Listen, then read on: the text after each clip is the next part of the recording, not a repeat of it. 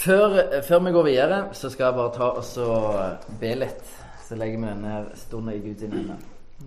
Gode Gud, vi takker deg igjen for din enorme kjærlighet til oss. Vi takker deg for at du ønsker å møte oss. Eh, takk for at vi får lov til å komme fram for deg eh, sånn som vi er, med de livet som vi lever. Du ser hvordan hverdagen er, med stress og det er mye som skjer. Eh, livet er hektisk. Så bare ber deg at vi skal få lov til å være i ditt nærvær nå, Gud. Jeg ber om at du skal møte oss akkurat der med. At vi skal få lov til å legge av oss bekymringer, stress, det vi tenker på i forhold til neste uke, og det som vi tenker på av eh, ja, det som ligger på sinnet vårt og hjertet vårt. Vi bare har lyst til å gi alt til deg. Og vi har lyst til å be om at du skal komme og snakke til oss, Gud. Snakk til hjertene våre. Kom og møt oss. Eh, vi trenger deg. Eh, vi inviterer deg inn som Herre i dette fellesskapet her. For vi har lyst til å møte deg, Gud. Vi har lyst til å bli mer kjent med deg og se mer av din herlighet. Eh, og hvor fantastisk du er. Vi har lyst til at du skal prege våre liv, Gud. Så vi bare ber deg, kom og møt oss akkurat der som vi er. Amen. Ja. Tidligere så har vi snakket om eh, hva er kirka for noe? Hva vil det si? Vi har snakket om at kirka det er familie. Det er ikke et bygg. Det er ikke en event, det er ikke noe du går i, men det er en familie. Det er en åndelig familie. Det er kirka. Det er det begrepet Bibelen bruker. I tillegg til å bruke en bilde med en kropp. Det er noe organisk, noe levende med forskjellige funksjoner. Eh, så vi har snakket litt om, om, om, eh, om hva kirka er. Om det å være familie. Så har vi snakket om hvorfor har vi, hvorfor finnes det kirke. Vi har snakket om at oppdraget har ei kirke. Kirka har ikke oppdrag men det andre veien rundt. Det fins fellesskap. Det fins kristne fellesskap som vi kaller for kirke, fordi det fins et oppdrag. Oppdraget kommer først. Guds hjerte om å nå verden, om å redde verden, om å gjenopprette verden, det er der det begynner. Og så starter Gud så, så blir det starta menigheter, kirker fellesskap pga. at det fins et oppdrag. Eh, og Vi har snakket om at Gud han drømmer om å ha et folk. Helt siden syndefallet er den hage, så har Gud drømt om å ha et folk som representerer ham, som viser verden hvordan han er. Sånn som Marita snakket om så veldig bra i dag. Et folk som reflekterer ham. Et folk som reflekterer Guds karakter, sånn at flere kan få se hvor fantastisk Gud er. Eh, og at Gud kan få lov til å dra til seg flere mennesker. Det er det Gud drømmer om. Han drømmer at vi skal få lov til å være et sånt folk. Det har han drømt om hele tida. Eh, og at det er en del av det hvorfor det fins kirker. Og så I dag skal vi begynne å snakke om hvordan skal vi leve kirka? Hvordan lever vi ut kirka? Eh, for kirka er ikke som sagt, det er ikke en event, det er ikke et hus, men det er folk, og det er en livsstil. Det er noe vi lever, faktisk. Eh, så hvordan lever vi som den åndelige familien? Hvordan, eh, hvordan lever vi kirka? Hva vil det si? Og det å være en åndelig familie, og det å leve kirka, det kan være ganske krevende. Det er faktisk veldig krevende. Fordi vi er forskjellige. Vi er forskjellige personer. Vi har forskjellige meninger, forskjellige personligheter, forskjellig humor, forskjellige verdier. Vi er rett og slett veldig forskjellige. Og det er krevende å forholde seg til personer som er forskjellige. Fordi vi, vi, vi ser forskjellig på ting. Og det, du, det, har du garantert opplevd på jobb, eller i eh, familie, eller i, blant venner så kan det være at ting skjer seg litt av og til. Fordi vi er forskjellige. Eh, de fleste menigheter der det skjer splittelse, så handler det faktisk sjelden om teologi. Men det handler om at folk har forskjellige meninger. Folk har forskjellige personligheter. Noen ville noe mer, og noen ville ikke noe mer. Og så blir det en splittelse. Så det å være en åndelig familie som holder i lag, som har et godt fellesskap, det er ganske krevende. Men det er fremdeles veldig, veldig viktig. Og det er fremdeles det Gud vil vi skal være. Vi skal være en åndelig familie. Så det skal vi se litt på. For brevene i Nytestamentet de er skrevet til menigheter. Eh, og de tar opp ulike utfordringer som disse menighetene har. Eh, og det kan være mange, det er mange ting, mange utfordringer som de har som jeg vil se på som ganske crazy. Men, men de har masse utfordringer. Fordi de, de har kommet fra en, en, helt annen kultur og kommet inn i en ny kultur. De har tilbedt mange guder, og så plutselig skal de tilbe én gud. Eh, og så er det, det er kulturkrasj. Så Paulus og Peter og Johannes de skriver brev til menigheter for at de skal veilede dem. Hva vil det si å være en menighet? Hva vil det si å leve som en, som en familie som tilhører Gud? Hvordan ser det ut? Eh, hva må dere slutte med? Hva må dere begynne med? Hvordan ser dette ut? Og Det er spesielt ett ord som er viktig å legge merke til når en leser, eller for å forstå dette med åndelig familie. Hvordan skal det se ut? Så det er spesielt ett ord som går igjen, som jeg syns er veldig viktig. Og det er ordet 'hverandre'. Eh, I brevet så, så, så står det mange sånn f.eks.: Elsk hverandre inderlig. Tilgi hverandre. Bær over med hverandre. Ydmyk dere under hverandre. Bekjenn syndene for hverandre. Oppmuntre og oppbygg hverandre. Og så videre og så videre. Det er masse sånne hverandre. Ca. 50 stykk, tror jeg det er, rundt der. Eh, hverandre som forteller oss hvordan skal vi være i forhold til hverandre. Hvordan, hvordan er vi overfor hverandre i fellesskapet? Eh, og det skal vi se litt på i dag, etter noen av disse hverandreordene. Vi skal lese en tekst som inneholder noe av dette hverandre. I tillegg så snakker han òg om hvordan skal vi leve som kirke? Hvordan lever vi dette livet? Hva er viktig? Så hvis du har Bibel, så slå gjerne opp i Kolosserbrevet, kapittel 3, og vers 1-7. Du kan få lov til å slå opp på telefonen hvis du vil det. Vi se Kolosserbrevet, kapittel 3, og vers 1 og til, eh, 1 til 17, mener jeg. Jeg skal lese en aldri så liten tekst i dag. Eh, og jeg vet jo jeg er i tjukkeste nynorskland, men jeg har bokmål. Sorry, ass. Eh, det, jo, det, er jo lettest for meg å forstå. Så da leser jeg på bokmål, så får dere oversette til nynorsk i Bibelen din. Der står det Er dere da reist opp med Kristus, så søk det som er der oppe, hvor Kristus sitter ved Guds høyre hånd. La sinnet være vendt mot det som er der oppe, ikke mot det som er på jorden. Dere er jo døde, og deres liv er skjult med Kristus i Gud. Men når Kristus, deres liv, åpenbarer seg, da skal også dere bli åpenbart i herlighet sammen med ham. La da det jordiske i dere dø. Hor, urenhet, lidenskap ondt begjær og grådighet, som ikke er annet enn avgudsdyrkelse. Alt dette gjør at Guds vrede rammer de ulydige. Blant dem var også dere den gang dere levde slik. Men legg nå av alt dette. Sinne, hissighet, ondskap, spott og rått snakk. Og lyv ikke for hverandre. For dere har kledd av dere det gamle mennesket og dets gjerninger, og iført dere det nye, det som blir fornyet etter sin skapers bilde, og lærer ham å kjenne. Her er ikke greker eller jøde, omskåret eller uomskåret, barbar, skyter, slave eller fri. Nei, Kristus er alt og i alle. Dere er Guds utvalgte, helliget og elsket av Ham. Kle dere derfor i inderlig medfølelse og vær gode, milde, ydmyke og tålmodige, så dere bærer over med hverandre og tilgir hverandre hvis den ene har noe å bebreide den andre. Som Herren har tilgitt dere, skal dere tilgi hverandre. Og over alt dette Kle dere i kjærlighet, som er båndet som binder sammen og gjør fullkommen. La Kristi fred råde hjertet, for til det ble dere kalt, da dere ble én kropp. Og vær takknemlige. La Kristi ord få rikelig rom hos dere. Undervis og rettled hverandre med all visdom. Syng salmer, viser og åndelige sanger til Gud av et takknemlig hjerte. Og la alt dere sier og gjør, skje i Herren Jesu navn med takk til Gud, vår Far ved Ham. En litt lang tekst, men den er spekka med fantastisk innhold. Eh, og Paulus begynner med, med måte, mest å stille et spørsmål, men han stiller ikke spørsmål. Han sier hvis dere reiste opp med Kristus, hvis dere kom til tro, så er dere reist opp med Kristus. Og Derfor søk det som er der oppe. La sinnet være vendt mot det som er der oppe, og ikke på det som er på jorda. Der begynner han. Eh, før dette så har han forklart eh, dette, er, dette, er, en menighet som slites mellom to ting. på en måte. De har den kulturelle greia med at de har tilbedt mange guder. Kolosserne har tilbedt mange guder før de ble kristne. Og det som har skjedd når en del av dem har begynt å tilbe Jesus som den ene av mange guder. Så han har ikke blitt den eneste guden, men han har blitt en av mange guder. Så de fremdeles liksom preger dette andre.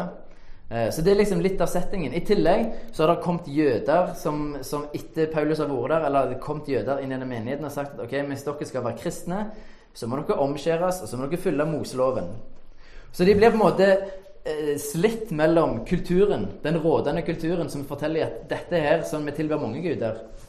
Og så blir de slitt mellom det og tradisjon som forteller at ja, men dere må gjøre sånn, og moralister som sier dere må gjøre sånn, dere må gjøre sånn, og dere må gjøre sånn. Skal dere være rette kristne, så må dere gjøre disse tingene. Eh, så det blir slitt mellom disse to tingene. Eh, og det tror jeg kanskje vi kan kjenne oss litt igjen i. Vi òg tror jeg blir slitt mellom kulturen vår, som forteller oss ja, lev sånn som dette her. Gjør sånn som dette her. Bruk pengene sånn som dette her. Bruk tid i sånn som dette her. Gjør sånn som du vil realisere deg sjøl og så videre og så videre. ikke sant? Du er det viktigste personen i ditt liv, og så videre. sant? Det forteller kulturen oss. Ha sex med hvem du vil. You name it.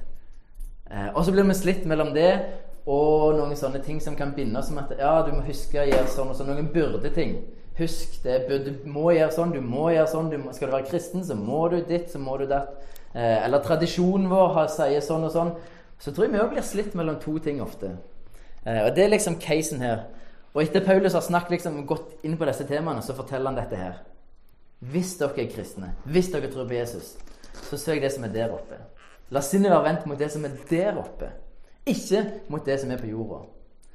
Eh, og det er jo lurt. Vi, vi, trenger å stille oss det spørsmålet. Hvor, hvor er sinnet mitt vendt? Hvor er sinnet ditt vendt?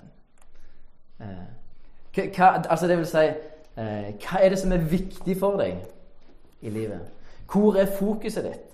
Er fokuset ditt på det som handler om det som er der oppe? Og da mener jeg, altså Når Paulus skriver det, så handler det ikke ja, la sinnet være vendt mot himmelen. Eh, det er ikke det han mener. Men han mener at la sinnet være vendt mot det som hører Gud til. La sinnet være vendt mot det som hører Guds rike til. Eh, la sinnet være vendt mot den posisjonen som du har fått hos Gud. La, la, la sinnet ditt være der oppe. Ikke det som er på jorda, ikke det som verden kan tilby deg, men det som Gud kan tilby deg. Det er liksom kontrastene her. Så det er lurt å på en måte spørre oss sjøl ja, ok, hvor er sinnet mitt vendt hen? Har jeg sinnet vendt mot det som hører Gud til? Det som Gud kan gi meg? Eller har jeg sinnet vendt mot verden og det som verden kan gi meg? Eh, og jeg kan si for min del det er lett å være opptatt av det som verden kan gi meg. For jeg er omgitt av det på alle bauger og kanter. Jeg kan ikke slå opp en nettavis eller noe som helst uten å bli bombardert av ting som Sånn bør du leve livet ditt. Sånn. Dette er lurt. Ikke sånn. Og så er ikke det alltid det som står i Bibelen. Verden forteller meg ja, at du bør få et stort hus. Da blir du lykkelig. Hvis du får en ny bil, blir du lykkelig. Hvis du får en, en den, spesielt den bilen, så blir du lykkelig. Hvis du får deg hytte, hvis du får deg båt, hvis du begynner å jogge, så blir du lykkelig. Eh, hvis du Altså, you name it. Der, der er så mange ting som forteller deg ja, gjør dette her. Eh, og Det er så lett å bare bli slukt av det. Og Paulus vet dette. Han er, han er, jo ikke dum. Han er fullt klar over at det er lett å bli slukt av dette. Derfor sier han la sinnet vårt vende. Vend det mot det som er der oppe. Øv deg på det. Øv deg på å vende mot det som er der oppe. La det bli viktig for deg. Ellers blir du slukt av det som skjer her på jorda. For verden har lyst til å tilby deg masse greier som ikke gir deg lykke, egentlig. Det er bare travelt. Det er som å være på ei tredemølle. Du springer og springer, men du kommer ikke av flekken. Det er det verden tilbyr. Eh, og så tilbyr Gud noe helt annet. Så tenk igjen, hvor er sinnet ditt vendt hen? Jeg har lyst til å oppfordre deg til det. Hvor er sinnet ditt vendt? Eh,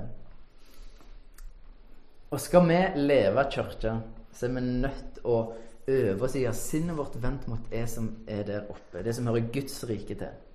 Og Det som er interessant, da, det som vitenskapen viser oss, er at sinnet ditt, altså tanken din på en måte, sinnet ditt eh, Sinnet er jo på en måte et litt sånn vidt begrep.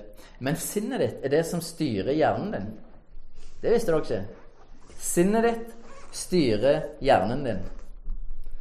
Eh, så på en måte eh, Hjernebaner, det som dannes i hjernen din, du kan velge. Hvis du, hvis du velger å tenke positivt, så blir det danna positive hjernebaner i hjernen din. Tenker du negativt, så blir det danna negativt. Altså, dette er forskning. Det er ganske sprøtt, men det er sant. Eh, og det som er løye, da altså Sinnet ditt styrer hjernen. Hjernen din styrer hjertet ditt. Og hjertet, det er kobla til alle celler i hele kroppen din. Så sinnet ditt, det er det Det er en nøkkel her. Det er det som styrer hele kroppen din. Derfor er dette super, super viktig. Hvor er sinnet ditt? Hvordan tenker du? Hva tenker du? Tenker du sannheter? Tenker du løgn? Dette er kjempeviktig. Eh, så tenk gjennom. Så det er den første Paulus begynner med. Så går han videre til i vers 5-10, så begynner han med at eh, la da, eller la derfor av at du er oppreist med Kristus, av at eh, du, du, du er i himmelen med Gud, så la det jordiske dø. Det er et ord han bruker. La det jordiske dø, så, så remser han opp en del ting. Og så fortsetter han med at eh, legg av dere. Legg av dere sinne og alt dette her greiene. Og så sier han senere at det kle av dere. Så Han bruker en del sånne uttrykk, sånn, sånn konkrete uttrykk. Legg av. Kle av dere. Eh, dø ifra. La dem få dø. Så han er veldig tydelig på at det er, et, er et skille her. Det er noe som skal av, og det er noe som skal på. For han sier jo 'kle dere i'. Kle dere i. Og så sier han, det, det, det, Når jeg holdt på med den teksten, så var det noe som var litt sånn sprøtt. Han sier dere har kledd av dere det gamle mennesket. Dere har gjort det. Og dere har ikledd dere det nye mennesket. Og så tenkte jeg Nei, har, har, jeg ikledd meg det nye mennesket? Har jeg kledd av meg det gamle mennesket? Jeg kjenner jo på disse tingene hele tida. Hva, hva, er det du mener, Paulus? Hva er det du mener for noe? Jeg har kledd av meg og har kledd på meg det nye mennesket. Eh, hva er det for noe?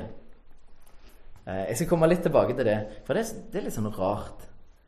Eh, hva, hva, er det for noe? Men han er veldig tydelig på at det er noe som skal av. For det er vi oppreist med Kristus. Legg av dere. La det jordiske dø. Og han hadde nettopp sagt ikke la sinnet være vendt mot det som er her nede. Og la det dø, det som ikke hører til det nye livet. La, la det få lov til å dø. Og kle dere i det som er nytt. Og så fortsetter han med å poengtere i vers, i vers 12. Så sier han at dere er Guds utvalgte. Dere er hellige, og dere er elska av Han. Så derfor kle dere i inderlig medfølelse. Vær gode, milde, ydmyke og tålmodige, så dere bærer over med hverandre. For det vi er Guds utvalgte. For det vi er blitt hellige.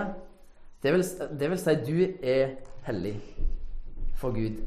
Det, det, vil, det vil si du er helt ren for Gud. Du er perfekt i Guds øyne. Jeg vet ikke om du forstår det, om du er klar over det.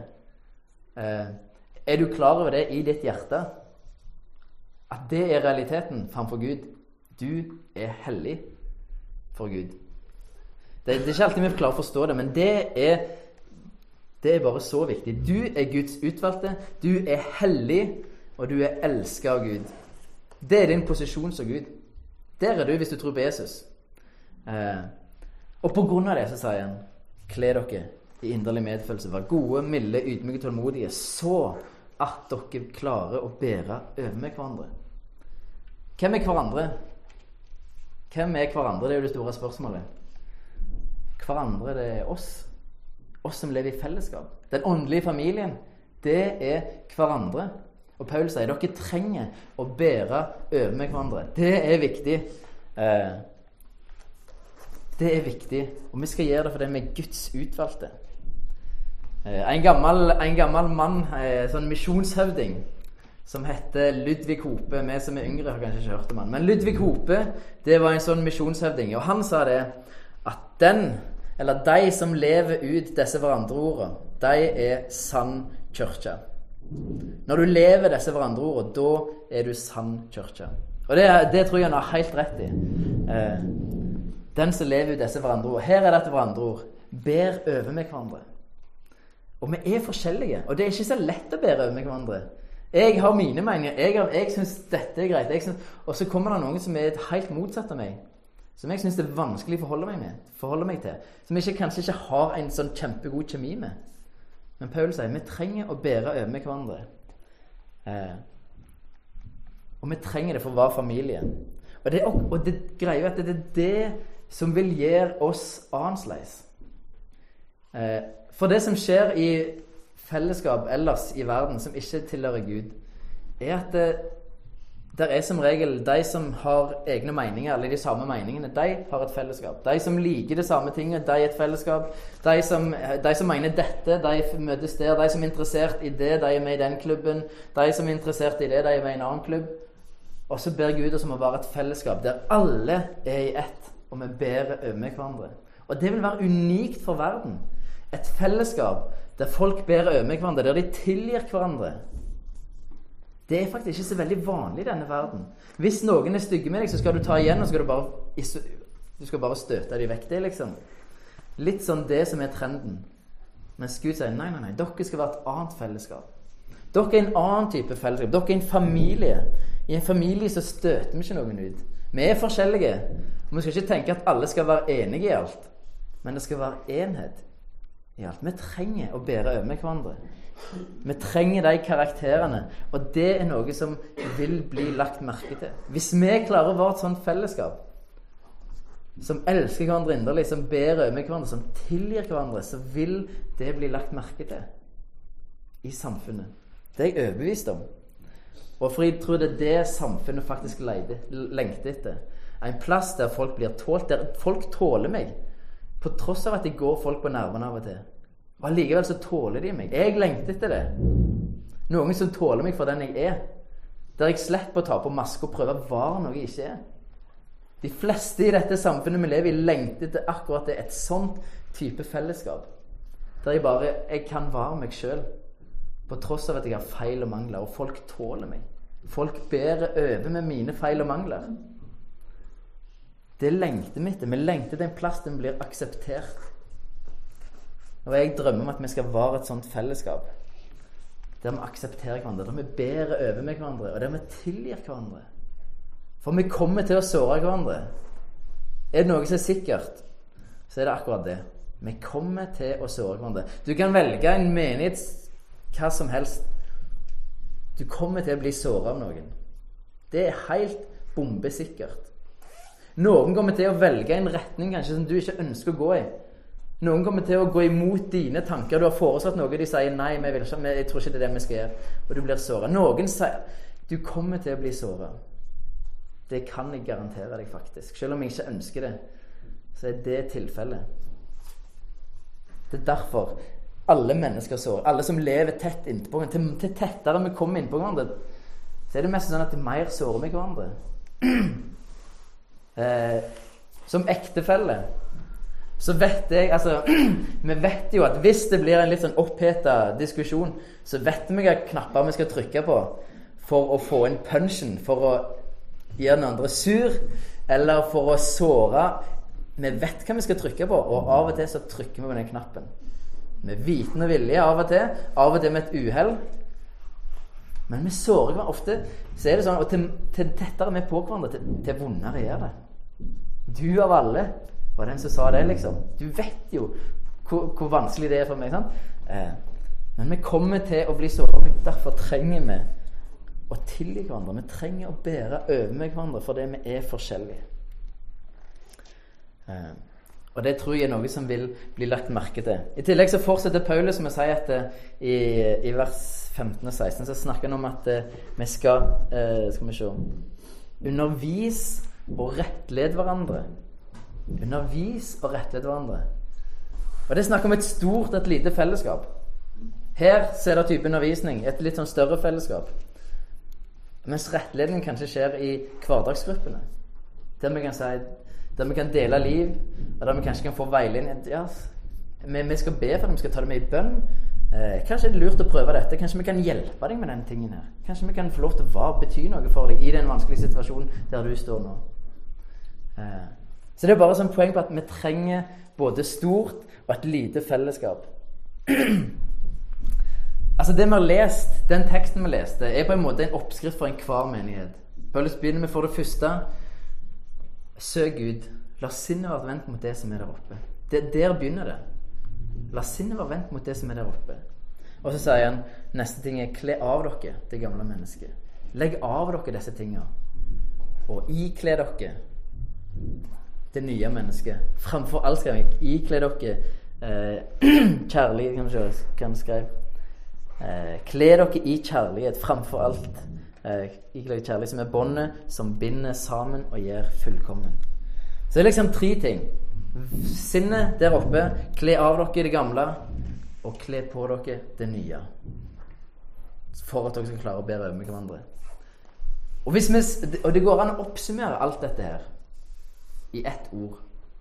Og det er nemlig ordet identitet. Alt handler om identitet. Og Hvis dere legger merke til Paulus bruker bildet med klær. I dag er jo litt sånn inn og sier at ja, klær skaper folk. Er ikke det et slogan? Er det ikke noen som har et sånn slogan som heter 'klær skaper folk'? Jeg vet ikke, jeg, jeg mener jeg har hørt det en eller annen plass. Jeg vet ikke. Jeg tror det er en kleskjede som har det som et sånn, sånn slogan. Klær skaper folk. sant? Et eller annet sånt. Og klær handler jo om identitet. Eh, hvis, hvis, jeg var en sånn biker, sant? så er jeg nesten forplikta til å gå i skinnklær og, og ha tatoveringer. Jeg, jeg, er forplikta til å gå med noen sånn gullkjeder, og, og jeg, jeg, kan ikke gå rundt i skjorte og, og på en måte fløyelsbukse. Jeg er forplikta nesten. Hvis jeg er biker, sant? da må jeg gå i de klærne. Eh, jeg er punkrocker, så forplikter jeg til å ha masse piercing. Jeg må ha sånn sveis, jeg må ha, jeg må ha noen hålete klær og altså for, forstår du hva jeg mener? Klær er en form for identitet. Vi kler oss ut fra hvem vi er, på mange måter. Eh, og jeg tror Paulus bruker jeg vet, om, jeg vet, ikke om, det var sånn på denne tida. Eh, men jeg tror, det, jeg tror, det, er det det handler om, nemlig identitet. Kle deg i disse tingene her, for det er den du er. Dette er den du er. Eh, hvorfor skal vi ha sinnet vårt vendt mot det som er der oppe? Fordi vi er Guds barn. For det er der oppe vi hører til. Det er Guds rike vi hører til. Vi er, vi er nye skapninger. Derfor skal vi la sinnet være vendt mot det som er der oppe. For vi, vi tilhører egentlig ikke denne verden lenger. Vi har tatt steget fra denne verdens rike til Guds rike. Det, er der vi hører til. Det, det, er det du er. Hvis du har sagt ja til Jesus, så har du tatt steget fra verdens rike over til Guds rike. Du har blitt dette verdensbarn, gått fra verdensbarn til å bli Guds barn. Du har vært din egen herre, din egen konge. Nå er det Gud som er konge. Gud er herre. Du har tatt steget over i noe annet. Derfor er det helt naturlig å la sinnet være vendt mot det som er der oppe. Og Paulus sier at vi har kledd av oss det gamle mennesket. Og vi har ikledd oss det nye mennesket. Han skriver som noe som har skjedd. Det har skjedd. Det er ikke noe som skal skje i himmelen. Det har skjedd. Og det Paulus forteller oss i disse, det er at det som er realiteten i himmelen, er at du er en ny skapning. Du er ren, du er hellig, du er perfekt for Gud. Du er syndfri for Gud. Du er skyldfri. Du har ingen skam, ingenting. Du er perfekt. Det er realiteten i himmelen. Det er det som er sant i himmelen. Det er din posisjon framfor Gud. Det er, den, det er din identitet som er gitt deg hvis du vil ta imot den. Det er det som er sant. Og så er det som Paulus sier, at det er sant i himmelen. Lev som om det er sant på jorda. La det være sant på jorda for deg òg. At det er realiteten din.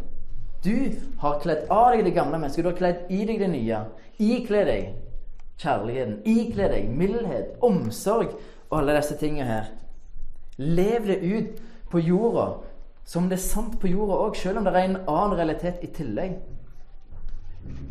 For det er sant i himmelen. Det er en åndelig realitet som er sann. Du er hellig, ren, ulastelig og ustraffelig for Gud. La det være sant på jorda òg. Lev som det. Ikke fordi du burde, men ikle deg den identiteten. Ikle deg den identiteten. La det bli det som du har på deg. Og la det bli en, den åndelige realiteten bli en menneskelig realitet. Skal vi klare å bære over med hverandre, så trenger vi å forstå hvem er vi egentlig? Hvem er vi egentlig? Hva er det som er sant om meg i himmelen? Hvordan definerer Gud meg? Det trenger jeg å forstå. Jeg trenger å være klar. Jeg trenger å ha Det trenger å være meg. Hele meg. Jeg, bare, jeg, kan ikke bare vite de her Ja, Gud har tilgitt meg syndene. Jeg er rein for Nei, nei, nei. Jeg må vite det her. I hjertet mitt. Det må være den jeg er på dypet av meg. Trenger jeg å stole helt og fullt på at det er sant om meg. Jeg er ikke en feil. Jeg er ikke den som ikke klarer å få til dette. Jeg er ikke Min identitet er ikke at jeg er en far. Min identitet er ikke at jeg er en pastor. Din identitet er ikke jobben din. Din identitet er ikke at du er mor eller sønn eller datter eller far eller noe som bestefar eller bestemor. Det er ikke identiteten din. Vi, har, vi kan ha mange sånne identiteter, og det er ikke noe galt. Men kjernen må være at vi er Guds barn. Kjernen må være at vi er Guds barn, for da kan vi fullt ut begynne å ikle oss disse tingene her. Da kan vi begynne å ta på oss disse tingene og leve ut og begynne å bære over med hverandre. Og begynne å tilgi hverandre. For det er jo den vi er. Det er det som er sant om meg i himmelen. Jeg har blitt tilgitt. Derfor skal jeg tilgi. Jeg har blitt vist en sånn omsorg. Derfor vil jeg gi noe sånn omsorg.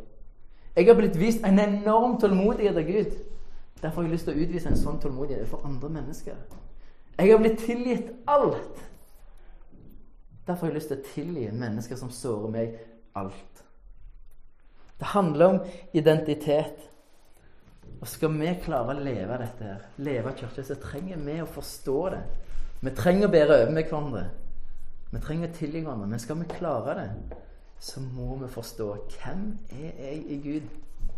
Hva er min identitet som er gitt meg? Og det, det er et valg vi tar på mange måter. Israelsfolket Eh, de hadde vært slaver i 400 år i Egypt. Så fører Gud dem ut, og så gir han dem en ny identitet. Han sier 'Dere er mitt folk nå'. Og han gir dem et oppdrag. Dere skal vise verden hvem jeg er. Jeg kan lese om det i andre Mosebok, kapittel 19, vers 4, 5 og 6. Eh, så de blir gitt en ny identitet. Og det som er enormt fascinerende, som er bare sånn Hæ, er det mulig? Hvis du leser gjennom Mosebøkene, så står det flere plasser at Israelsfolket ville tilbake til Egypt. De sier ta oss, til, ta oss tilbake til Egypt, til kjøttgrytene i Egypt. Og så sier de til meg en gang, når de, når de, mangler mat, så sier de vi må tilbake til Egypt, for der fikk vi fisken gratis. Hæ? Er dere sprø i hodet deres? Dere var jo slaver. Hallo i luken. Dere fikk fisken gratis, for dere var slaver. Men de klarer ikke å se det. For det er identiteten deres er at de er slaver. Mens Gud har gitt dem en ny identitet. Dere er mitt folk. Og grunnen til at israelfolket må vandre 40 år i ørkenen, handler ikke bare om at folk har synda mot Gud, men det handler om at Gud må reise opp et nytt folk med en ny identitet. For den gamle satt så hardt i. Hvordan får vi da en ny identitet? Hvordan klarer vi å forstå det Gud har gitt oss? Hvordan kan vi få det til at det går ifra hodet vårt til å bli kunnskap, til at det setter seg i hjertet, og det blir kjennskap? Hvordan får vi det til? Eh, og det er ikke, det er ikke jeg, jeg, har ikke noe sånn bling, en sånn quick fix. Men jeg tror det handler om at du må begynne å fortelle deg sjøl hver dag og si det gjerne høyt. Hvem er du i Gud? Hva er, den, hva er sant om deg i himmelen? Hvem er du for Gud? Hva er sant om deg? Mange av oss, jeg inkludert iallfall, er oppvokst med å få høre at jeg er en synder. Det er den du er. Du er en synder. Takk og pris for at det var nåde. Men det vi hørte på bedehuset der jeg også vel, var at jeg var en synder. Eh, og så blir det da identiteten min nesten sånn. sant? Jeg er den som feiler, jeg er den som ikke får til noe. Bla, bla, bla. bla, bla sant? Eh, og så er ikke det, det er ikke sant. Det er ikke identiteten som Gud vil vi skal ha. Identiteten Gud vil vi skal ha, er at vi er Guds barn. Og har du lyst å endre på de feilene og syndene som er i livet ditt, så er ikke, er ikke trikset å begynne å være hard med deg sjøl og begynne å fortelle deg sjøl en stund sånn, du må ta deg sammen. Trikset er å begynne å forstå identiteten Gud har gitt deg, og at han ikke fordømmer deg. For da er du fri til å gjøre noe med de tingene som er vanskelig i livet ditt. Men jeg tror vi trenger å fortelle oss sjøl hvem jeg er Gud. Vi trenger å forkynne evangeliet, for det er evangeliet, til oss sjøl. Si det til deg sjøl høyt hver dag. Ta ett minutt hver dag og fortell høyt hvem er jeg Fortell hva Gud har gjort for deg. Hvem er du? Jeg er Guds barn. Jeg er tilgitt, jeg er elska uten at Gud stiller krav til meg. Jeg er anerkjent av mer enn av noe menneske. Jeg har blitt en, gitt en større mening enn noe andre mennesker kan gi meg. Jeg har blitt gitt en større lykke enn noe menneske kan gi meg. Jeg har blitt gitt osv. Fortell deg sjøl hvem er du i Gud. For det er så, så viktig. Be om det. Be om at Gud skal åpenbare den enorme kjærligheten og den identiteten som han har gitt deg. Be om det. Be om at han skal vise deg det. For all Skal du endre deg, så handler det om å forstå hvem du er. Det handler om å forstå hvem du er. Um, jeg, tror skal, jeg, tror vi skal, runde av. Jeg har bare lyst til å stille deg et par spørsmål. Uh, og jeg har bare to. Men jeg vil du skal reflektere hvor er sinnet ditt vendt henne? Hvor er fokuset ditt? Hva er viktig for deg i livet? Eh, reflekter litt for deg sjøl. Ja, hvor er det vendt henne? Er det mot himmelen? Eller er det mot jorda? Hvor er hovedtyngden henne? På det som er der oppe, det som hører Gud til? På hvem jeg er i Gud, eller på det som hører verden til? Hvem jeg er i verden? Hvor er sinnet ditt vendt? Reflekter litt, ransak litt i ditt hjerte, i ditt sinn. Hvor er det vendt henne? Ikke for at du skal fordømme deg sjøl. Det er ikke poenget. Gud fordømmer deg ikke. Det er ingen fordømmelse for den som er Jesus Kristus. Så det er ikke poenget. Men poenget er å finne ut sånn at du kan rette det rett vei hvis det er feil plass. Derfor så finn ut hvor er den. Og neste hva er din identitet? Hva er din kjerneidentitet? Hvem, hvem er du? Når alt kommer til alt, hvem er du? Er det at du er Guds barn? Er det at du er det, er det, Jeg er ingeniør. Det er den jeg er kjern, i kjernen min. Eh, det er en grunn for at jeg ikke vil eh, Rikard spurte forrige gang om det var greit. Han kalte meg for pastor Eivind. Så jeg nei, det er ikke greit. Eh, da begynner jeg å kalle deg for optiker Rikard. Eh, for jeg er ikke yrket mitt. Jeg er ikke yrket mitt. Jeg er Guds barn. Jeg har ikke lyst til å bli assosiert med yrket mitt. Jeg vil ikke at jeg skal begynne med det. For det er ikke den jeg er. Jeg får lov til å jobbe som pastor, men det er ikke den jeg er. Hva, hvem er du? Hva er identiteten din? Hvem er du? Kjerneidentiteten din. Hvem er du? For noen er det for jeg er, jeg er mor eller jeg er far, og en legger alt inn i det. Og hvis du gjør det, så vil du oppleve mye smerte i det, i det du opplever at du er en dårlig mor eller dårlig far. For hvis det er identiteten din, så må du vedlikeholde den identiteten. Du må hele tida sørge for at du er en god mor eller en god far. Ellers så ryker identiteten din, og da kan livet ditt dette i grus. Det som er så bra med, med det Gud gir oss, Guds identitet, den er gitt oss. Du har ikke gjort noe for den er helt gratis. Den er gitt deg av nåde. Derfor kan ingen ta den ifra deg. Han kan ikke ødelegges. Men hvis min identitet er at jeg er pastor, da må jeg jammen meg sørge for å være en god pastor. Jeg må sørge for at folk liker meg, jeg må sørge for at de har gode taler, osv. Og, så videre, og så plutselig så blir det kjempetungt og ei stor byrde jeg går og bærer på. Og så skal jeg heller få lov til å legge av den. For det livet mitt står ikke fallet på om jeg er en god pastor eller ikke. Det har faktisk veldig lite å si. For dere kanskje, men eh, det, har, det har veldig lite å si. For Gud har gitt min identitet. Jeg er trygg som Gud. Om jeg er en dårlig pastor. Det kan jo godt være. Eh, men tenk etter, for det er så viktig. Det er kjernen av alt. Skal vi klare å bære over hverandre, skal vi være et sånt fellesskap, så må vi finne ut dette. Så det jeg har lyst til å gjøre eh, Jeg har bare lyst til at, at vi alle lukker øynene. For jeg har lyst til, at hvis, jeg har lyst til å be for, for deg, spesielt de som kjenner at de trenger det. Men hvis du, hvis du kjenner at jeg jeg vet ikke helt hva identiteten min er. Eller jeg, jeg har ikke fått åpenbart identiteten som Guds barn. Og jeg har lyst å ha den. Kan ikke du bare rekke opp hånda? Ikke for at det er noe magisk som skjer når du rekker opp hånda, men bare som et, et symbol til Gud. Gud, jeg har hørt du har snakket til meg. Jeg har lyst på det som du har å gi meg. Så hvis du kjenner at det er deg, så bare rekk opp hånda. Eh, så har jeg veldig lyst til å be for deg. Veldig fint. Er det flere, så, så bare rekk opp hånda. Eh, yes. Veldig bra. Gode Gud, eh, jeg bare takker deg for at du er fantastisk. Eh, for at du er så enormt god. For at du vil oss kun det beste. Jeg takker deg for at du har gitt oss en ny identitet med en ny skapning i. Det gamle, det er forbi. Vi har kledd av oss det gamle mennesket og ikledd oss det nye.